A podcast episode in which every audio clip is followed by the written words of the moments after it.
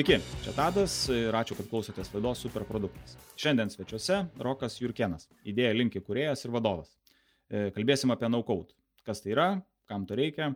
Tai skubu sveikintis su, su Roku. Sveikas, Rokai. Sveikas, Tadai. E, pirmiausia, labai noriu patikoti, e, kad skiriai savo laiko, važinau, ir po podcast'o turėsi dar mytas su klientais, tai žodžiu, dienotvarkė užimta, tai ačiū tikrai dėl to. O pradėti norėčiau iš tikrųjų dėl nu tokio paprasto klausimo, kada pirmą kartą išgirdai apie no-code? Tai toks, vat, gal pats žodis no-code ir nėra toks senas, bet tai bus kokie keturi metai atgal, bet pats tas žodis į, į tokį, nežinau, į rinką, į trendus vis atėjo prieš kokius du metus, du su pusė. Tai va dabar nors aš mano manimu, no-code yra, kaip ir pakalbėsiu, daug ir senesnių įrankių, ką mums leidžia daug padaryti, bet iš principo tai jau dabar va, tas yra trendas, kad no code yra va, kokie du metai ir čia dabar visur, kur pažiūrėsi, yra no code. Supratau. O dabar tu turi dar agentūrą idėją link, tai taip, gali trumpai papasakot, kaip, kaip gimė, nes, nu, code aš įsivaizduoju, ne, įvairių tų sprendimų apie juos pakalbėsim. Hmm. Uh, kaip, kaip atsirado idėja linkas? Link. Idea Link. Idea Link. Jo, tai agentūra atsirado visai paprastai. Tai turėjau vieną startupą, kuris visada buvau tas žmogus, kuris linkęs eina prie startupų, dirbau startupais, įkūriau savo vieną, vieną, antrą. Ir čia buvo vienas sėkmingesnių Scantact, jau turėjome kaip ir mokančių klientų, viskas buvo kaip ir puiku ir atėjo korona.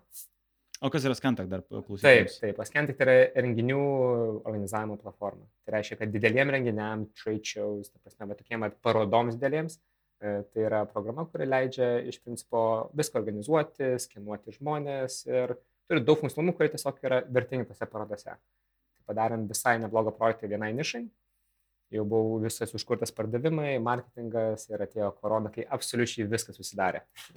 jo, tada su renginiais jau nelabai, ne? O sprendimas tada ten online kažkokiam renginiam, renginiams jau ne. Jo, tai, bet, su, tai supratom, kad e, dar nesame tiek daug investavę ir mes neturim tiek resursų, kad perėti visiškai online, nors tai buvo visiškas bumas, nes tada absoliučiai visi, kas galėjo, tai ir darė.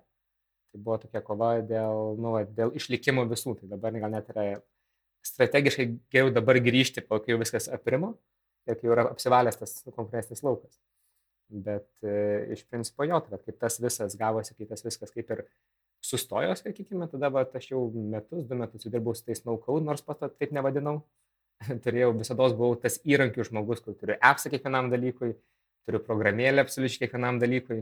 Ir tada taip kažkaip supratau, kad aš galiu kurti visokias verslo valdymo sistemas, produ, produktus, vidinius produktus ir patarpotus klientam, naudodamas tuos pačius tūsiukus, tuos pačius appsus, kad ir pradedant, kad ir su paprastais Google Sheetais, nu tai yra Exceliu, buvau sukūręs vieną įmonę visą analitinę sistemą, kur ten sinchronizavosi keliais įrankiais ir tai padariau per kelias dienas. Kas man rodos, tuo metu panašus sprendimas kainuoja apie 10 tūkstančių svarų e, Anglijoje, Londono rinkoje. Tai va, buvo toks vat, įdomus posūkis, kad tu iš beveik nieko, beveik nieko neturėjai, gali sukurti visai kompleksišką sistemą. Patikslinis kontaktas nebuvo, ne ant naukol padarytas. Nes kontaktą programavom, tai vat, ir mano ir backgroundas toks keistas, kad iš tikrųjų pats baigiau verslą, e, baigiau verslo studijos vadybą Londone, tada pradėjau dirbti startupą pardavimuose, pardavimuose business developmente, tada turėjau eiti, tada ėjau labiau dirbti su programuotojais, tada jau tavo project management ir product management, jau kabinaus, kaip kurti žaidimus, žiūrėjau analitikus, kokius features sudaryti, ką geriau, rekomendacijas ir po to aš jau savo startupą daryti. Ir tada vat, toks vat, visas, kad per tą laiką išmokau šiek tiek ir programuoti, kai dirbau su developeriais, investavau tą laiką gal metus ir dar turiu tokį keistą poziciją, kad esu ir tarp verslo, ir tarp IT. Tai Čia labai geras toks miksas, aš sakyčiau. Nu, nes techniniai dalykai, tai founderiui techninius dalykus išmanyti yra labai didelis pliusas. Jo, ir ypatingai dabar, kai žinau kodą, tai aš net ir galiu vat, padėti iš karto spręsti problemas, man reikia kalbėti su developeriu, nes konceptualiai suprantu, pas galiu padaryti. Nors, aišku, developeriai tai padarys daug geriau negu aš, bet konceptualiai to užtenka. Ir tai labai palengvins darbą. Dar truputėlį apie priešistorę pačią naukaut. Midėjai, kad nesivadino seniau ne tie dalykai. Tai kaip, kaip, kaip tas naukauda, ne prieš, prieš pereinant jau prie, prie, tokių, prie tos intro dalies, kas yra naukaudas, kaip apskritai ta evoliucija buvo tų įrankių, sakykime, ar, ar jų tiesiog buvo, jie taip nesivadino, ar čia dabar marketinginis toks pačiai prasme toksai vat, žargonas populiarus, su kuo tai susiję? Geras klausimas, nes buvo ir kaip anksčiau buvo, prieš naukaudą buvo laukaudas. Ir tada va, prieš tai tiesiog buvo įrankiai palengvinti gyvenimą, net, neturėjo tokio bendro vardo. Na, tai yra low codas, tai yra codas, yra visual development, dabar atsirado naujas terminas citizen developer, tai yra žmogus, kuris nemoka programuoti ir pats e, programuoja su tokiais e, no code įrankiais. Tai, vat, e, tai įvairiai vadinosi, tai net yra, bet iš principo jie reiškia labai panašų dalyką, kad tu gali be programavimo žinių arba su labai mažai programavimo žinių tavo kažką sukurti. Ok, tai pereikim tada prie tos jau labiau tokio detalesnio apibrėžimo naukaudo, ne, tai kas yra, nu, ką suprantama, ne, kad man nereikia programavimo žinių. Taip. Bet uh, ką gali daryti tas naukauda, ne, kam jis skirtas? Jo, tai va šitą vietą aš irgi, kadangi dabar, jeigu va, turėčiau grafiką arba tavo dabar naukaudį įrankį, jeigu žiūrėti Product Hunt'e, ar bet kur kitur, kiekvieną dieną turbūt išeina panaujas naukaudį įrankis. Aš tau padėsiu tą, susinchronizuosiu tą, sukursi app, sukursi puslapį, tie patys kad ir WordPress'as, nu, tų tūsų yra, nu, įrankių yra ne, nu, neįmanomas skaičius, jų yra labai daug ir pastoviai daugėja. Tai vat, aš juos skirsiu dvi dalis. Tai yra vieni įrankiai, kurie, kur bet kas gali bet ką padaryti. Nu, tai aš kaip įduoju, net kartais galim tokį kaip mail ar laitą pavadinti no code, vixen no code, tokių, kur bet kas gali bet ką pasidaryti, tu neturi jokių žinių, tu tiesiog moki anglų kalbą ir gali susidėlioti visą kaip tau reikia. O tada yra ta antra pusė tų įrankių, kurie yra būtent, kurių reikia šiek tiek ir techninių žinių, arba reikia investuoti laiko tai išmokti, kad kurtum savo visus kompleksinius appsus, kompleksinius sprendimus. Bet mūsų įmonė pagrindinė dirba labiau su šita, šita dalimi, nes čia daugiau žmonėms reikia pagalbos ir galima daug daugiau pasiekti. Tai ta pirmoji dalis yra tokie jau redimiai tokie sprendimai, ne? Nu, vat, Viksai, sakykime, nu, tai ten website, kažkokie ja. blogai, dar ten jie turi savo toolsą, man atrodo, naukau, dabar nepamenu, Velo berots vadinasi. Mhm. MailerLite'as irgi tam tikrus dalykus jau fiksuotus duria, ne mailingo platformą ten ir, ir, ir panašiai. Bet tada atsiranda kažkokie didesni, labiau kompleksiniai kažkokie tai norai, ne? Jo, tai va, yra, kad jie yra paprastai tų dažniausiai yra, va, nu, kad tikrai man, kad aš tiesiog mokaniškai galiu, va, turiu bazinį techninį raštingumą, internetu tiesiog, kad kompiuteriu naudos ir galiu aš pasidaryti, ką man reikia. Tai, pavyzdžiui, priskirčiau kaip Zapier, vieną iš tokių įrankių, kur gal pakalbėsim vėliau, bet iš principo yra, kad aš galiu ateiti ir pasidaryti. Tai vat, man nereikia jokių žinių, tiesiog man yra taip aišku, taip paprasta, yra šablonai, yra visiškai be problemų ir, ir galiu pasidaryti viską. Ir kas mane dar vis labai stebina, kad labai mažai žmonių, ypatingai Lietuvoje, žino apie šios įrankius. Net ir tech pasaulyje ir programuotojai, nes ir jiem palengvintų darbą N kartų kitais atvejais. Kam programuoti kažkokią integraciją, kai tau yra padarytas sprendimas, kuris arba nieko nekainuoja, bet ten kažkiek dolerių per mėnesį. Tai toks tiesiog, vat, Amerikoje jau daug daugiau tai žiūri, jau būna ateina, kad visos įmonės savo kažkokiais Frankensteiniais sprendimais, kur sujungta dešimt įrankių, kažkas padaryti ir, ir verslas veikia padaryti vieno žmogaus. Pats savęs yra įspūdinga. O čia toks filosofinis klausimas, tai čia tokia grėsmė developerio e, e, roliai, tokiai karjerai yra, ta prasme, nes dabar kiekvienas galės imti ir, ir kažkokį susi, susibildinti. Tai čia jau aišku šaržuoju tikriausiai, nes visą laiką reikės sudėtingų sprendimų, kurie, bet uh, paprastų sprendimų tikriausiai, ne, nu, atsila, ats, kažkokia laisvė atsiranda. Tikriausiai. Jo, tai iš principo, kaip dabar matom rinkoje, jau pasidaryti puslapį, suvikti bet ko realiai gali bet kas. Ten su Shopify pasidaryti e-commerce irgi gali bet kas. O developerių kaip reikia ir vis daugiau ir vis daugiau, nes kas kuria tuos sprendimus, kad ir tuos pačius naukaudinius, tai yra tie patys developeriai. Tai jie tiesiog daro vertingesnius darbus ir nešvais laiku ir tiesiog to pasiekoje pasaulis vyks, juda greičiau. Manau, progreso. Manau, visi iš to laimi. Dar nekalba net apie jajos ten visus tulsus ir panašiai. Mm. Dar minėjai low code, ne? Mhm. Palyginimui, koks esminis yra skirtumas code? Nu, iš to žodžio liktais, ne, man sufleruoja, kad čia tiesiog biški reikia pasidaryti pačiam, bet jo. biški reikia ir pagalbos iš šono developerių. Tai va, tas code yra nirbos, kaip vadinu, tie kompleksiškesni įrankiai, bet ir tas low code gali būti tam tikri frameworkai, net nežinau, lietuviškai žodis. Uh, E, gali būti tam tikri įrankiai, kurie tau jau reikia ir programavimo visų pagrindų, tiesiog tavo stipriai paspartina tavo darbo greitį. Tai aš tu gali sukurti programą daug greičiau, daug paprasčiau, nereikia gal ten rūpintis apie visą hostingą, visus kitus sprendimus, ten, nu, tave viską pagreitina, bet kaip ir visada, tais naukau daug įrankiais yra vat, tam tikros limitacijos. Kiekvienas įrankis jas turi skirtingas ir yra dažnai problema sužinoti prieš kažkur ne kažkurį įrankį, kokias limitacijas tai turi ir man verta investuoti savo laiką. Tai va čia nu, toks. Okay. Ir būtinai apie tai pakalbėsim tada, kokie yra tie pliusai, minusai. Aš dar galvoju, labai įdomu būtų palies klausimą, taip vadinamus jūs keisus, nu, kokiais atvejais yra naudojama, ne, va, minėjome, mm. e-commerce'as yra kažkoks, nu, tai kaip tam tikras produktas galbūt, mailingo kažkokie dalykai, website susikurti. Kokie yra labiausiai paplitę use case'ai naudojimosi no-code sprendimais? Jo, tai jie, vat, kuo daugiau žmonių apie tai sužino, tai tuo daugiau žmonių apie tai jais pradeda domėtis, naudotis ir kartais net, čia, nu, vat, yra nuo visko realiai. Tai paprasčiausias, turbūt dažniausias naudojimas yra automatizacijos realiai Zaperis, Integromatas, tai yra tie įrankiai, kurie tau leidžia be jokių programavimo žinių sujungti kelias programas. Ką mes, ką mes šiandien automatizuojam? Nu, pačius paprasčiausius dalykus, įsivaizduokime marketingą. Atėjo, užpildė formą, Google formą klientas ir jam reikia nusiųsti automatinį mailą, e, kad sveiki, rokai, jūs gavote tą ir tą, va čia jūsų biletas, nuolaidos kodas, prašau. Tai anksčiau tu gal kreiptumės į developerį, žiūrėk, atsiunčia mailas ir galėsi programuoti šitą.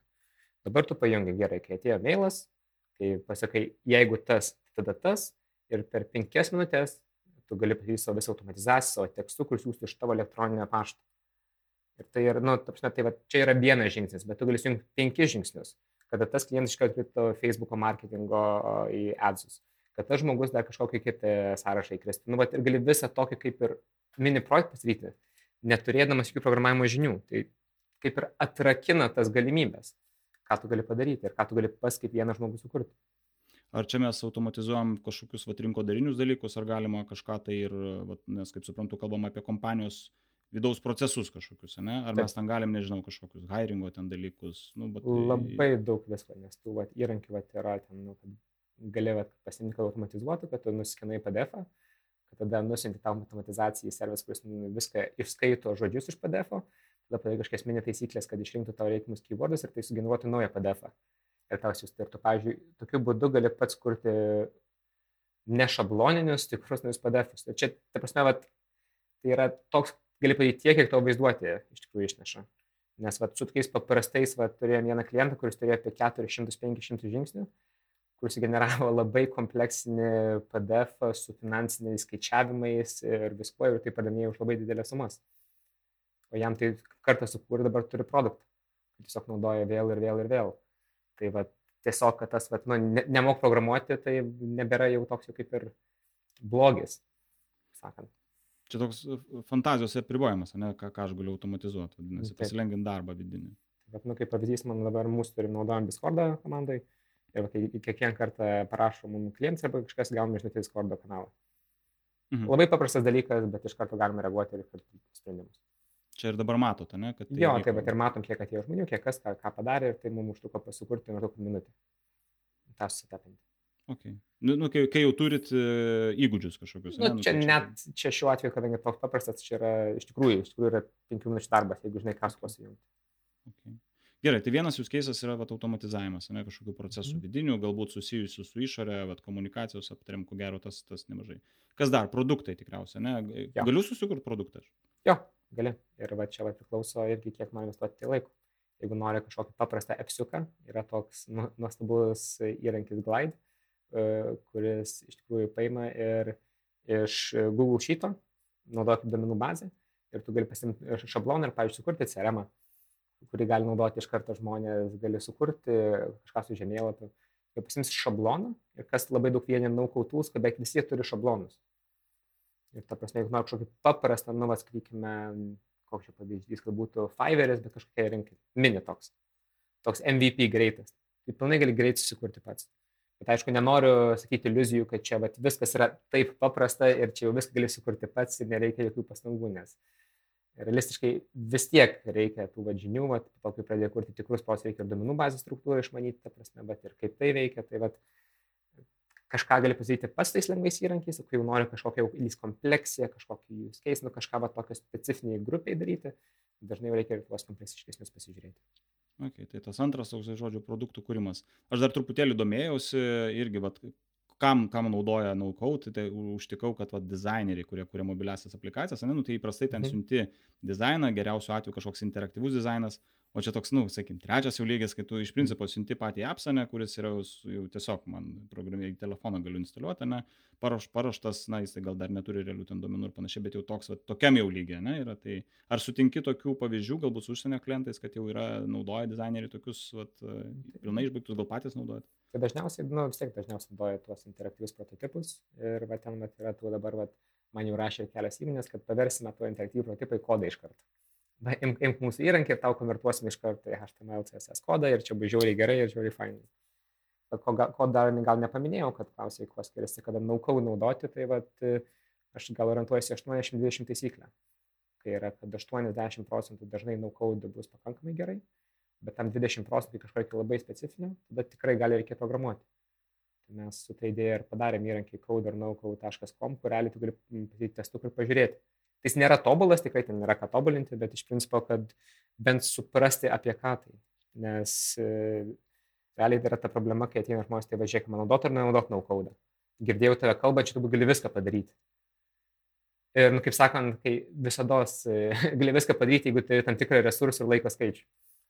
Ne pinigų ir laiko skaičių. Bet visada yra tam tikri use case ir galėsime apie juos dar pakalbėti, nes jų tikrai yra daug kalbant apie produktinę tą dalį, ne, bet aš, mhm. aš kažkaip suprantu MVP skaupę, ne, ir va čia tas tikriausiai galbūt kažkoks apribojimas yra to naukau, nes kaip ne, ne, yra kažko, tai dar yra ten 20 procentų mhm. reikia pasidaryti, bet ar aš galiu pasidaryti, nežinau, kažkokį sąsą, tikrai pilną, scalable ir taip toliau, ar, ar visgi čia mes kalbam apie tokios early e, ankstyvos fazės kažkokį produktą, prasitestavimą, kiek va taip yra iš tavo patirties naudojama, kai kalbam apie mhm. produktus, ar, ar tai yra fully veiksmingas produktas, sukasi ir, ir ten jokių problemų nėra. Bet labai priklauso, koks sasas. Nu, nu, gal čia nesas, jeigu, pažiūrėtume platformą ir paimtume Facebooką. Nu, Facebook'o snowcode nepadarytume. Galime tikrai padaryti Facebook'o kloną, kuris atrodys taip pat, turės savo newsfeedą, turės tam tikrus, neturės kažkokių AI savo tų algoritmų visų, bet jis atrodys panašiai.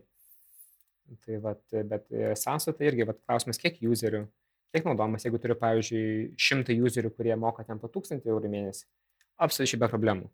Jeigu turiu gal kur šimtas tūkstančių userių ir jiem reikia scale, greičio, visko, tada yra sunkiau. Bet vis tiek validuojant produktą, aš daryčiau tokias, kad jeigu tu jau sieki tą šimtą tūkstančių, tikrai galėjai MVP ir iteruoti ir viską keisti, daug greičiau su naukaudu pačioje pradžioje. Yra daug geresnė pozicija pradėti su naukaudu, pažiūrėti, ar yra trakšinas, ar žmonės nori tai pirkti, ar norit tai daryti, ar norit naudoti tą įrankį, koks yra vertės ir tada pereiti į kodą. Nes kai mes, mes skaičiuojam taip grubiai, kai mes skaičiuojam, mes tada klausinėjom, nu, mes kaip naukaudo agentūra klausinėjom programavimo agentūrų, jeigu mums kainuoja kiek, tada jiem dažniausiai būna 5-10 kartų daugiau. Daugiau susikodinti, jo, kas tu mane kažką. Ir, ir, ir laiku, ta prasme. Tai jeigu mums ten užtenka mm. dviejų žmonių ir dviejų mėnesių, jiems būna, kai keturių žmonių, tai nežinau, šešių mėnesių pavyzdys.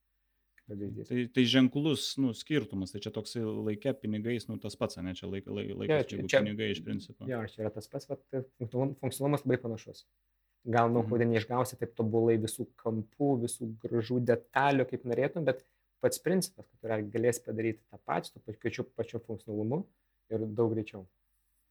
O kaip yra su to UI dalimi? Nu, va čia tokia aš va, pasižymėjau mintį, ne kilo, vad bekalbant. Uh, Uh, yra tie įrankiai, ne, jie vis tiek mhm. daugiau mažiau tikriausiai gal klausai kažkokie panašus, elementai panašus. Ar nebus taip, kad susikūrėm čia tada visi, nu, kaip pradedama mhm. nemasiškai naudoti, labai panašius produktus. Mhm. Ar yra vis dėlto ta tokia pritaikymo galimybė ir, ir customizavimo, ir išsis, išsiskirimo, išskirtinumo sukūrimo? Jo, čia labai priklauso nuo kokio įrankio naudos. Jeigu jums kai kurios įrankius yra tik šablonai, nu, tada tik ir naudosi šablonus. Bet kitais atvejais, jeigu įmat galingesnius įrankius kaip Bubble, ir panašiai, jie turi savo tos elementus, bet iš principo dizainą gali daryti kokį tik tai nori. Aš dar truputėlį tada apie pribojimus.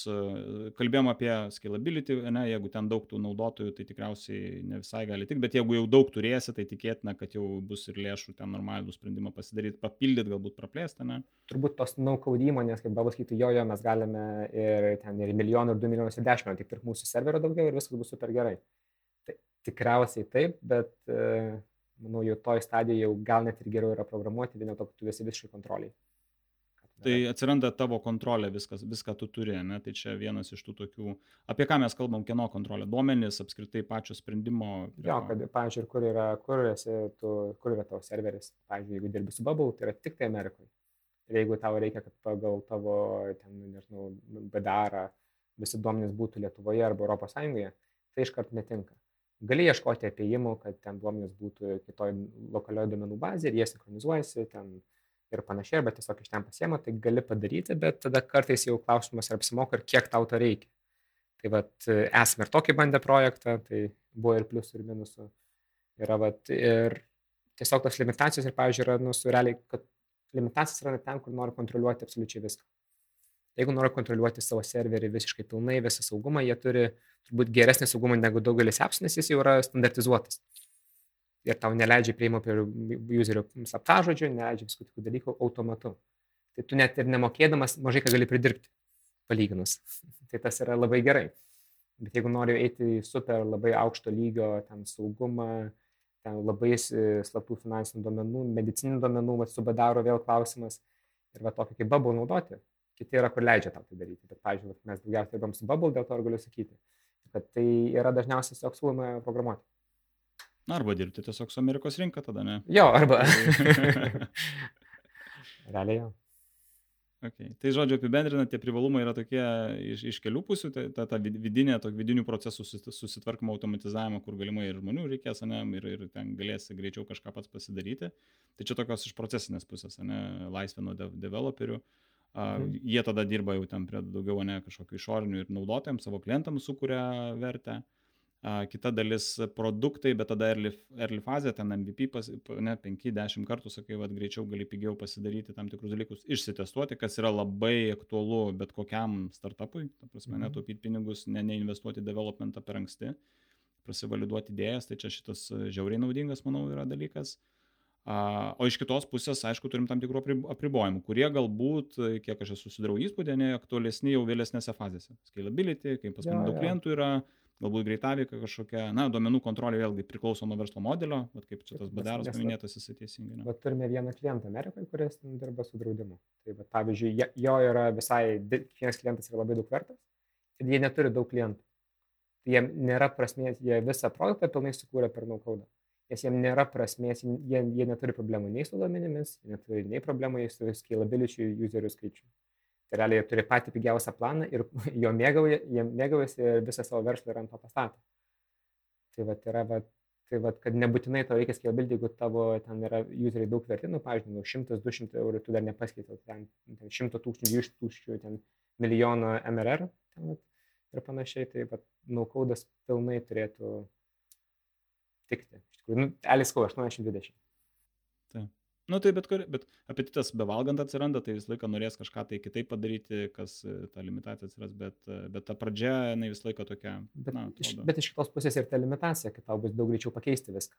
Jeigu kažkas, kad useriam to pirmam produktui nepatiko, tu labai greitai gali pakeisti palyginus programavimu. Tai vis tiek, aišku, dizainerė greičiau pakeičiama, bet e, palyginus programavimu ir naukaudą, tu naukaudę vis tiek darysi greičiau ir paprasčiau pakalbėkim gal tada apie pavyzdžius ane jau tokios e, konkretikos tai čia tik ir apie įrankius norisi suprasti tą ekosistemą visų įrankių kokie jie yra ką jie gali dar ir čia apie tipus galbūt pradžiai tiesiog bendrai pakalbėt ir paskui gal tiesiog po pavyzdžių galėsi pasidalint aš be, be, benagrinėdamas visą tą no-code ekosistemą tokia radau tokius tokius tris apie, nu, tokius tris sluoksnius, sakykime. Ne? Mhm. Tai pirmas yra toksai UI-us, turinio dizaino sluoksnis, ne toksai, yra kita yra duomenų dalis, mhm Mhm. Svarbi ir ta logika automatizavimas. Ar mes galim tokią, nu, atsakyti, kad tai visas tas naukaudas susideda iš tokių trijų, nežinau, dedamųjų, tokios aibės, ne, kuri e, turi tame sprendime, kuri, kuri būtų atliepta, ne, turi būti mhm. dizainas, aišku, nu, čia bet kurio produkto, ne, tai tokie mhm. lėriai. Duomenys, kuriuos aš naudosiu. Mhm. A, ir, ir tada loginis sluoksnis, automatizavimai kažkokie tai validacijos logikos ir panašiai. Ar čia toks yra tinkamas apibūdinamas, nu, apibūdinamas, ar dar yra gal kažkokių tai papildymų? Jo, tai manau, tinkamas, bet po to ten yra skirstama gal į 10 ten tų sluoksnių, po to ten gali būti AI įrankiai specialiai, ten gali būti super docs visokiem, ten kaip yra Notion, Koda, Airtable visokie, bet yra vat, kaip Google Sheet'ų patobulinimas. Uh, yra appsų native atskiri appsai, yra web pro programų, yra visokių landing page'ų, paprastų, paprastų page'ų. Ir po to yra visokie tokie įvairūs, kur yra, vat, kur visą, kaip ir minėjai, kur yra backendų, su duomenimis, automatizacija, kaip jie veikia, uh, Ir vat, kas yra labai turbūt labai žymu ir manau, aplamai rinkoje, kad viskas su viskuo pradeda jungtis. Kad jeigu tu naudoji vieną įrankį, labai tikėtina, kad tu gali sujungti su kažkokiu kitokiu. Čia, o kaip, kaip tai padaryti, nes čia įdomu, tai irgi klausimas, ne, tu įrankių daug minė, ne? Uh mhm. -huh. Ir, ir Bubble, va, tikriausiai aptarsim, Notion uh mhm. -huh. kodą, uh, Zaper biuros minėjai, ne, tai uh, O jo, tai suderinamumas, iš ko jis pareina? Ta prasme, API yra tiesiog kažkokie, ar yra kažkokie standartai numatyti, kad čia Be, taip jie lengvai susijungia? Čia beveik visi turi API-us ir tada visi šitie didesni įrankiai yra sujungiami per, pavyzdžiui, Zapierį. arba integromatą, ką mes naudojam labiau. Tai vat, ir jie būtent, tai tu jeigu žinai Zaperį, žinai kokį nors, pavyzdžiui, Bubble ir nori kažkokį, nežinau, va, tam, iš Excelio pasimti duomenis, kur ten kažką rašaisi, kažkokius skaičiavimus, tai gali padaryti realiai. Jūs ten įsinstaliuoji pluginą Zaperio ir tu ten susijusis, realiai pasakai, kad kai vyksta tas, padaryk tą. Ir, ir iš principo tai jau leidžia sujungti labai didelį, kaip ten Zaperis sako, turime virš 2000 apsų, kas galima sujungti. Rimtas pazlas čia gaunasi, toks labai jo, rimtas tai pazlas. Yra rizika, kai per daug pridėlioji puzlę detalių, turi tokį Frankensteiną, kurį palaikyti, jeigu ne pats kūrį, yra, yra reikalų. Nes reikia išmanyti tą įrankį tikriausiai, ne, nu, vis tiek taip. daugiau mažiau ten žino tam tikrus dalykus. Ar galima aptarti tada keletą tokių, nežinau, labiau notable, kaip sakyti, tokių paminėtinų mhm. pavyzdžių per įrankių prizmę, ne, vad Bubble mhm. minėjai. Aha.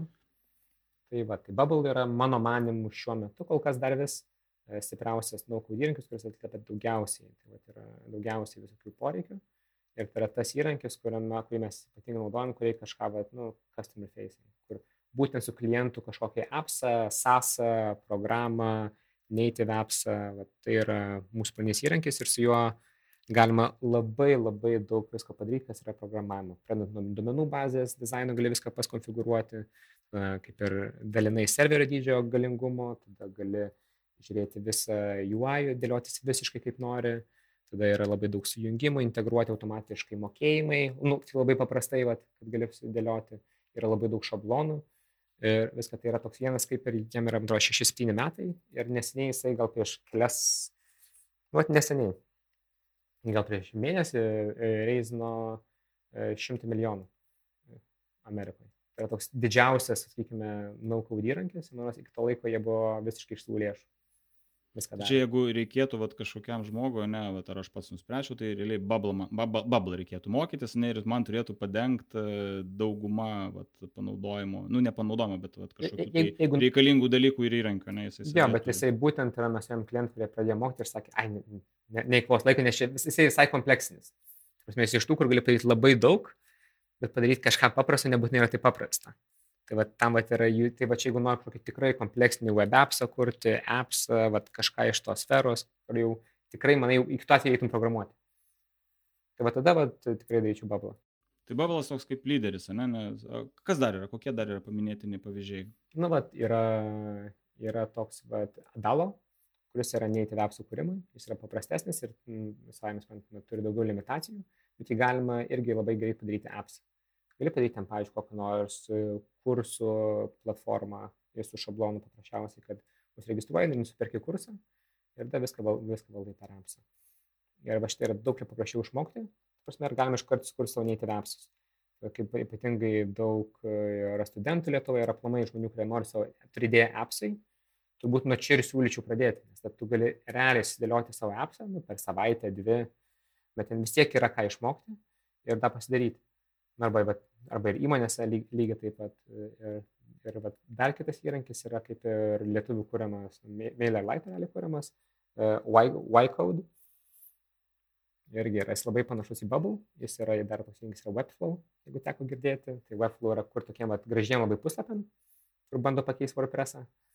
O, o Y-Code paima kaip ir geriausią e, Webflow dalį, tai yra dizainą visą, UI-jaus ir paima, bent jau daro, kad paimti tą visą geriausią bubble dalį, tai yra visų workflows ir logikos. Tai va, jis dabar dar dvi, tai labai laukiu, kai viskas, kaip jis atrodė, tai dar neteko pilnai išbandyti, bet e, tikiuosi, kad atsiras nu, dar vienas stiprus konkurentas rinkoje.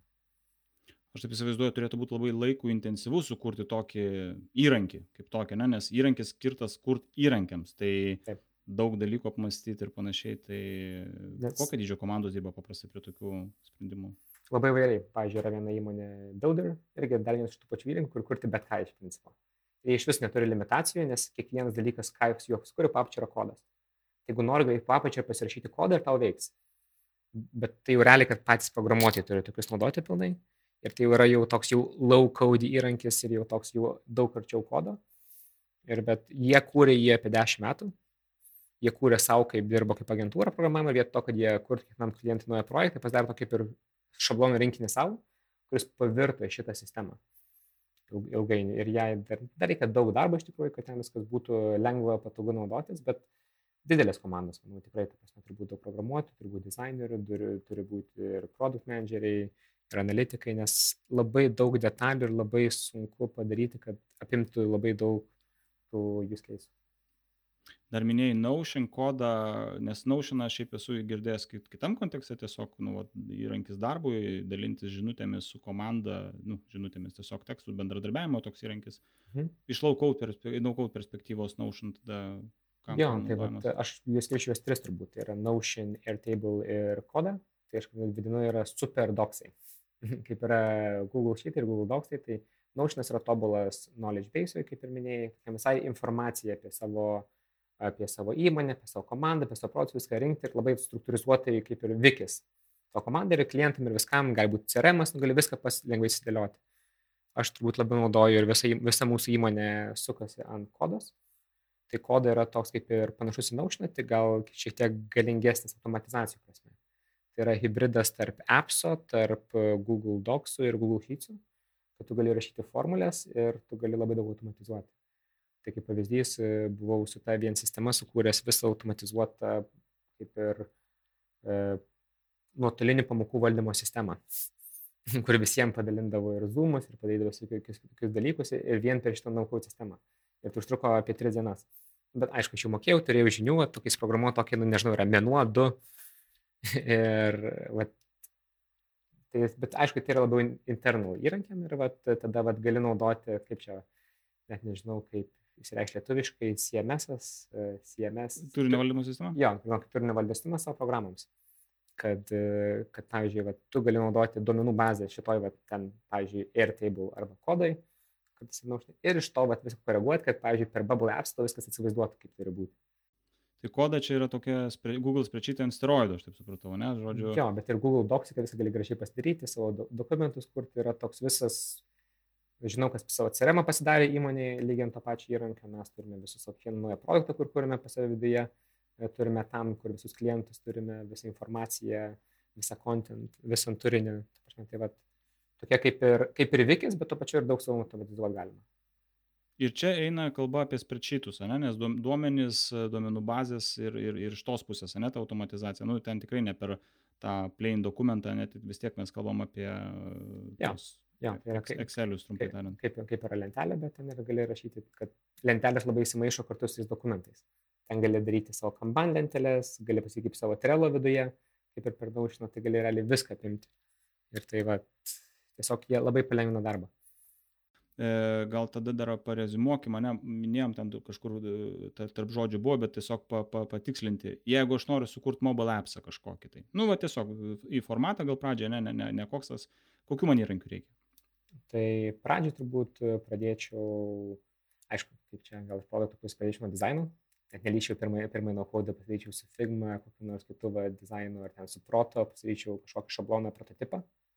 Ir tada testuočiau su e, vartotojais, ar jiems patinka, kaip galim patobulinti, kas ir gerai veikia.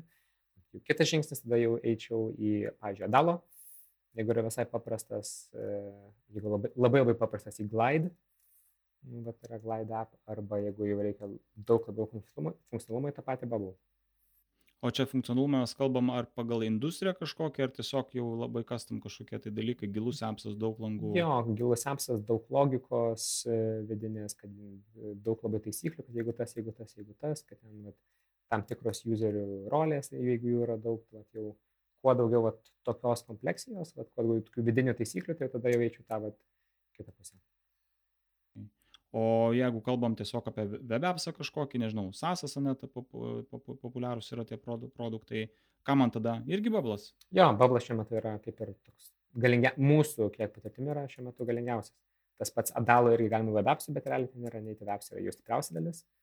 Tai vat, tas pats Ycodas, tas pats Builderis šiek tiek, bet mano matymu šiuo metu Bubbles dar vis laimi konkurencinį kovoj.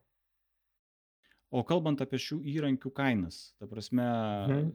kaip, kaip, kaip jos skir, ar skirstosi kažkaip, tai ten, nežinau, freemium modeliai yra paplitę, nepaplitę, žodžiu, kaip būna ten, ne, yra ta enterprise kaina, kur jau ten tiesiog nieks, nu, turi mhm. kreiptis mhm. ir žinoti, kaip, kaip yra šito vietoje su, su kainodarom šitų įrankių. Ja, aš gal ką dar pamiršau paminėti, bet yra čia kalbėjom tokius, vat, product, consumer, face apps, kur visiems yra prieinami.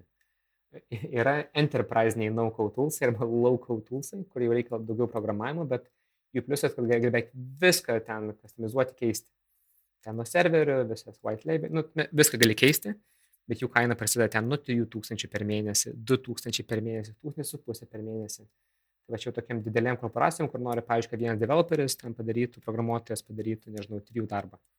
Tai va, arba, arba greitai iteruoti labai, va, ir ten su saugumu, su duomenims, su visom integracijom irgi yra toks variantas, kur galim tai padaryti. Ten jau kitoks verslo modelis, bet o kitas žiūrint, kurias kalbėjom daugiausiai, tai va, jų kainos yra ten bubble, ten prasideda nuo 30 dolerių, 50 dolerių, ten tos automatizacijos nuo nemokamų planų iki 10, 20, 200 dolerių. Enterprise planai turbūt beveik, beveik visur yra. Ir ten apie 500 gali būti ir 1000, jeigu, bet dažnu atveju dar neprireikia. Ten užtenka tų profesionalių planų ir visų, kurie yra apie 100 dolerių. Tai va, iš principo kainos yra prieinamos. Ok, tai čia tai tiesiog, nu, yra tokiam starteriu, ne, vos ne paketai kažkokio, kur tu gali, bet jeigu jau nori rimtai užsimti, kaip mhm. agentūra galbūt, sakykime, arba jau ten kažkokiam scale produktas, tai tada jau... Ir man žinai patiko tavo mintis labai apie tai, kad vat, vienas programuotojas trijų darbą gali padaryti. Va čia labai toks geras, mano, mano nuomonė, dalykas, nes vis tiek programuotojų visur trūksta ir ko gero ateityje trūks. Mhm Mhm. Bet tos kokybės, vertės sukūrimo visi labai norim. Ne, ta prasme, kad, kad būtų kuo greičiau, galbūt ir kuo pigiau, ta prasme, ir, ir kokybiškai. Tai čia yra ta vieta, kur tiesiog turint tinkamą talentą galima matyti irgi greit ja, važiuoti. Turbūt galiu ir paminėti vieną iš didžiausių, kaip čia angliškai, angliškas išvertimas į lietuvių kalbą būtų vertimas, tai e, kad dramblys kambaryje. Tai kad e, tiesiog visi tai yra savos platformos. Tai vienas iš jų didžiausių minusų yra, kad tu kai pradedi su jom dirbti, tu nebelabai gali iš jų išeiti. Ir tu negali tiesiog mm, eksportuoti, atsidaro lokinas. Ir, vat, ir būtent tai, kad tu turi eiti, tu turi ypatingai didesnėm įmonėm, tu turi būti įsitikinęs, kad tu gali savo tai leisti. Ir vieną, kai mes vertinam dabar šimtą įvairių naukų įrankių ir vienas iš vertinimų kriterijų buvo, koks yra lokinas, ar jis yra, ar jo nėra. Ir, ir kitas dalykas, koks yra stabilumas pačio įrankio. Nes jeigu aš, pavyzdžiui, investavau, nežinau, mėnesį, du, tris mėnesius kažkokį produktą, jį sukūriau, jis mano, mano nauja, nauja platforma tiesiog paima ir užsidaro. Bankrutavo, neturėjo pinigų, neturėjo finansavimo ir viskas, neleidžia man eksportuoti. Tai yra be galo didelė problema. Didelė rizika labai. Jo, tai, dėl, tai būtent dėl tos priežasties mes, pavyzdžiui, nukom tokį bubble, net vis ieškom naujų kažkokių tų, tūsiukų, kažko, vat, gal, gal tikrai yra geresnių, nebejoju. Na, tai va, tai va, bubble turi dabar ir finansavimą, turi labai didelę bendruomenę, Ir va tas patikrintumas, tai pasako, jie tikrai niekur nedings artimiausiu metu. Dėl to tu ant to statyti ir tada vat, tai daryti. Va toks labai svarbus pamastymas, jeigu ten pirkti tą brangią platformą už 2000, aš, aš irgi vieniem klientam siūliau, kuriems tikrai reikėjo būtų padėję, bet esminė problema, kad o kas jeigu? Tai čia reikia kalbėti ne tik apie įrankio įsigijimą kažkokią ar ten investuot mokytis, bet žiūrėt, kad tai būtų ir bendruomenė tuo pačiu, ne? nes nu, čia toksai kaip ir nu, tam tikras, aišku, nėra garantas kažkoks, bet, mhm. bet vis tiek, ne, kad tai yra patikimumo kažkokio. Jo, tai kaip pavyzdys, yra dabar tie vat, nu, vat, įmonėm tie vat, įrankiai, Low-Codas, vadinamas Low-Codas, tai vat, Google'as, Google'as, Microsoft'as turi savas platformas. Ten Google turi app šitą, bet tikriausiai nebankrutuos, nebent Google'as pasnužudys, rizika maža o kitas yra Microsoft Power Apps, kur irgi labai stipriai naudojama, ten su visai ekosistema jungiasi. Tai bet irgi yra rizika labai maža palyginus. Jeigu im kažkokį naują įrankį, vis tarnauti savo tavo. Tai šiaip įėjimo kaštų naujam įrankiui į rinką yra labai dideli ir turi turėti stiprų užnagarį, kad leistum savo ateiti į tokią rinką. O kaip su open source'iniais? Ar yra tokių sprendimų open source no code? Iš tikrųjų nelabai. Nelabai mačiau, nes Kukose, nu, yra tam tikrai, ten yra viena automatizacijos platforma, bet ką reiškia open source, tai reiškia, tu pats turi pasikurti serverį, tu pats turi mokėti tai padaryti. Tai jau tas no-code nebėra tikras no-code, nes tu turi pradžioj vis tiek programuoti. Tai va, toks kaip ir, kaip ir priešingybė gaunasi, kad jeigu nori pats pasikurti, pats pasileisti, tai jau turi žinoti, kaip programuoti ir tai nėra jau toks jau open source. Nėra taip straightforward tada gaunasi. Mhm. Tai tokia įdomi rinka, iš tikrųjų. Ar galėtum paminėti keletą produktų iš savo patirties galbūt, ne, kurie naudoja no-code? Mhm. Ir kaip jiems sekasi, galbūt, nu, vat, kiek, kiek detalių galėtum atskleisti, ne, kad... Jo, aš galiu papasakoti apie vieną, kur vat, savo įmonės viduje pasidarėm įrankį, tai yra toks vat, kaip ir įrankis, produktas, SASas, kuris iš principo automatizuojam kontento kūrimą. Nu, turinio, turinio kūrimą ten daugiau sudarėm, bet vat, mes visą programą, visą sistemą su mokėjimais, su skirtingais useriais, su landing page, su visko pasidarėm per dvi dienas per hackatoną. O kokį turinį kūrė čia? Tai mes šiuo atveju kūrėme būtent ant Facebook'o, Twitter'o ir LinkedIn postus, tai turime rašytojų. Ir principo, bet visa esmė buvo, kaip galima daugiau automatizuoti ten nuotraukų kūrimas, visą sistemą, visą kalbėjimą su klientu, galima būtų dideliais kiekiais dalinti. Ten, pavyzdžiui, Facebook'os kainuoja ten, Facebook'o straipsnis kainuoja, nes straipsnis įrašas kainuoja 20 dolerių, dažnai 20 eurų. Tai mes, pavyzdžiui, už 80 eurų per mėnesį galime deliverinti jų e, 10. Tai yra, kad nu, stipriai kertam kainą dėl to, kad mes susiautomatizavom su vidinius procesus ir tai padarėm ant SASO, kad ir išėmėm realiai bendravimą su klientais. Tiesiog lengviau parengti tą turinį čia gaunasi. Jo, tai, tai tiesiog toks... turime va, tokį kaip ir, nu, čia gal ne tiek, kad SASas produktizuotas servisas, taip sakant. Ir ta visa automatizacija sistema, kuri tą visą bendravimą padaro su klientu, viską, visi mokėjimai su Stripe padaryti, visas ten, va, visas valdymas turinio yra padarytas per tą pačią kodą. ir viską, tai iš principo pasidarėme per dvi dienas visus dizainus, visus wireframe'us, viską ir dabar tiesiog žiūrime jau, ir jau turime mok, mok, klientų, kurie moka. Tai čia žodžiu social media manageriams, netoks skirtas įrankis, kuriems, nu kiek girdžiu, ne, kad jie, jo, tai, tai, va, tai, jo, tai ten kaip inksonic.com, bet iš principo taip ir yra, tai yra būtent digital marketing įmonėm, kurie ir taip turi daug kurti to kūrinio ir jiems reikėjo daug įvairiom. Pakartok pavadį, In, Insonic? Ink Sonic. Ink Sonic. Tai va, Super, pasižiūrėsiu. Tai va, tiesiog ką galima skurti per dvi dienas. Toks labai pavyzdys, ką, va, kai tikras hakatonas nėra, gali skurti pilną produktą, kurį galim pardavinėti. O čia naukaut hakatonas buvo, ar čia? Čia mes viduje pasidarėm įmonės. O, okay. Kaip tiesiog kelias dienas atsitrauk nuo darbų šiek tiek. Fainai. E, kokiu dar galėtum paminėti e, pavyzdžių? E, tai vienas yra, kur, nu, buvo paprasčiausia kalbėti iš savo sferos, tai e, dirbom, buvo ir Vilniui toks sprendimas, kur buvo e, Kievi gatvė, kur užupyje padėjo žmonėm, bet e, buvo įmonė, kuri organizavo, tai yra PUP, urbanizacija, man rodos, ten. Ir jie iš principo padarė, kad idėja buvo, kad galėtų patys bendruomenės nariai kontroliuoti, kada mašina gali ir negali važiuoti.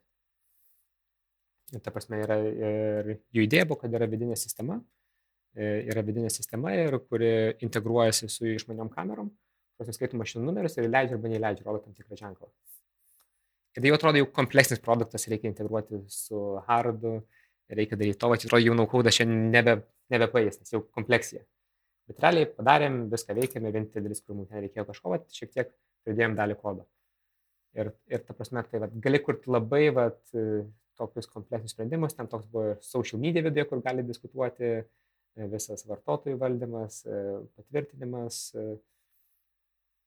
kiek, kiek, kiek detalės lysti. Visa analitika, tai prasme, viskas yra sudėta viduje ir galim greitai koreguoti ir veikia. Ir tiesiog pas produktas veikia, kas yra labai smagu. Super, super. Aš galvoju, vat, kiek, kiek tų tokių didesnių mes nežinom produktų, ne, kurie aplink mus yra pasinaudoję kažkokiam tai uh, naukaut tai e, galimybėm. Jo, tai pavyzdžiui, vienas iš žymiausių, kurio pavyzdžių visų naudomas yra amerikietiškas produktas, ten buvo Dividend Finance. Jie pasidarė platformą, kur gali išduoti paskolas. Rodo, ten per kelis metus per tą patį bubble jie išdavė apie ten virš milijardų dolerių paskolų. Ir visa sistema buvo padaryta visiškai ant bubble ir puikiai veikia, neturi jokių problemų. Čia turbūt iš tų atvejų, kai tu turi, gal ten tūkstantį, dešimt tūkstančių userių, ir tai pilnai užtenka, bet sumos yra labai didelės.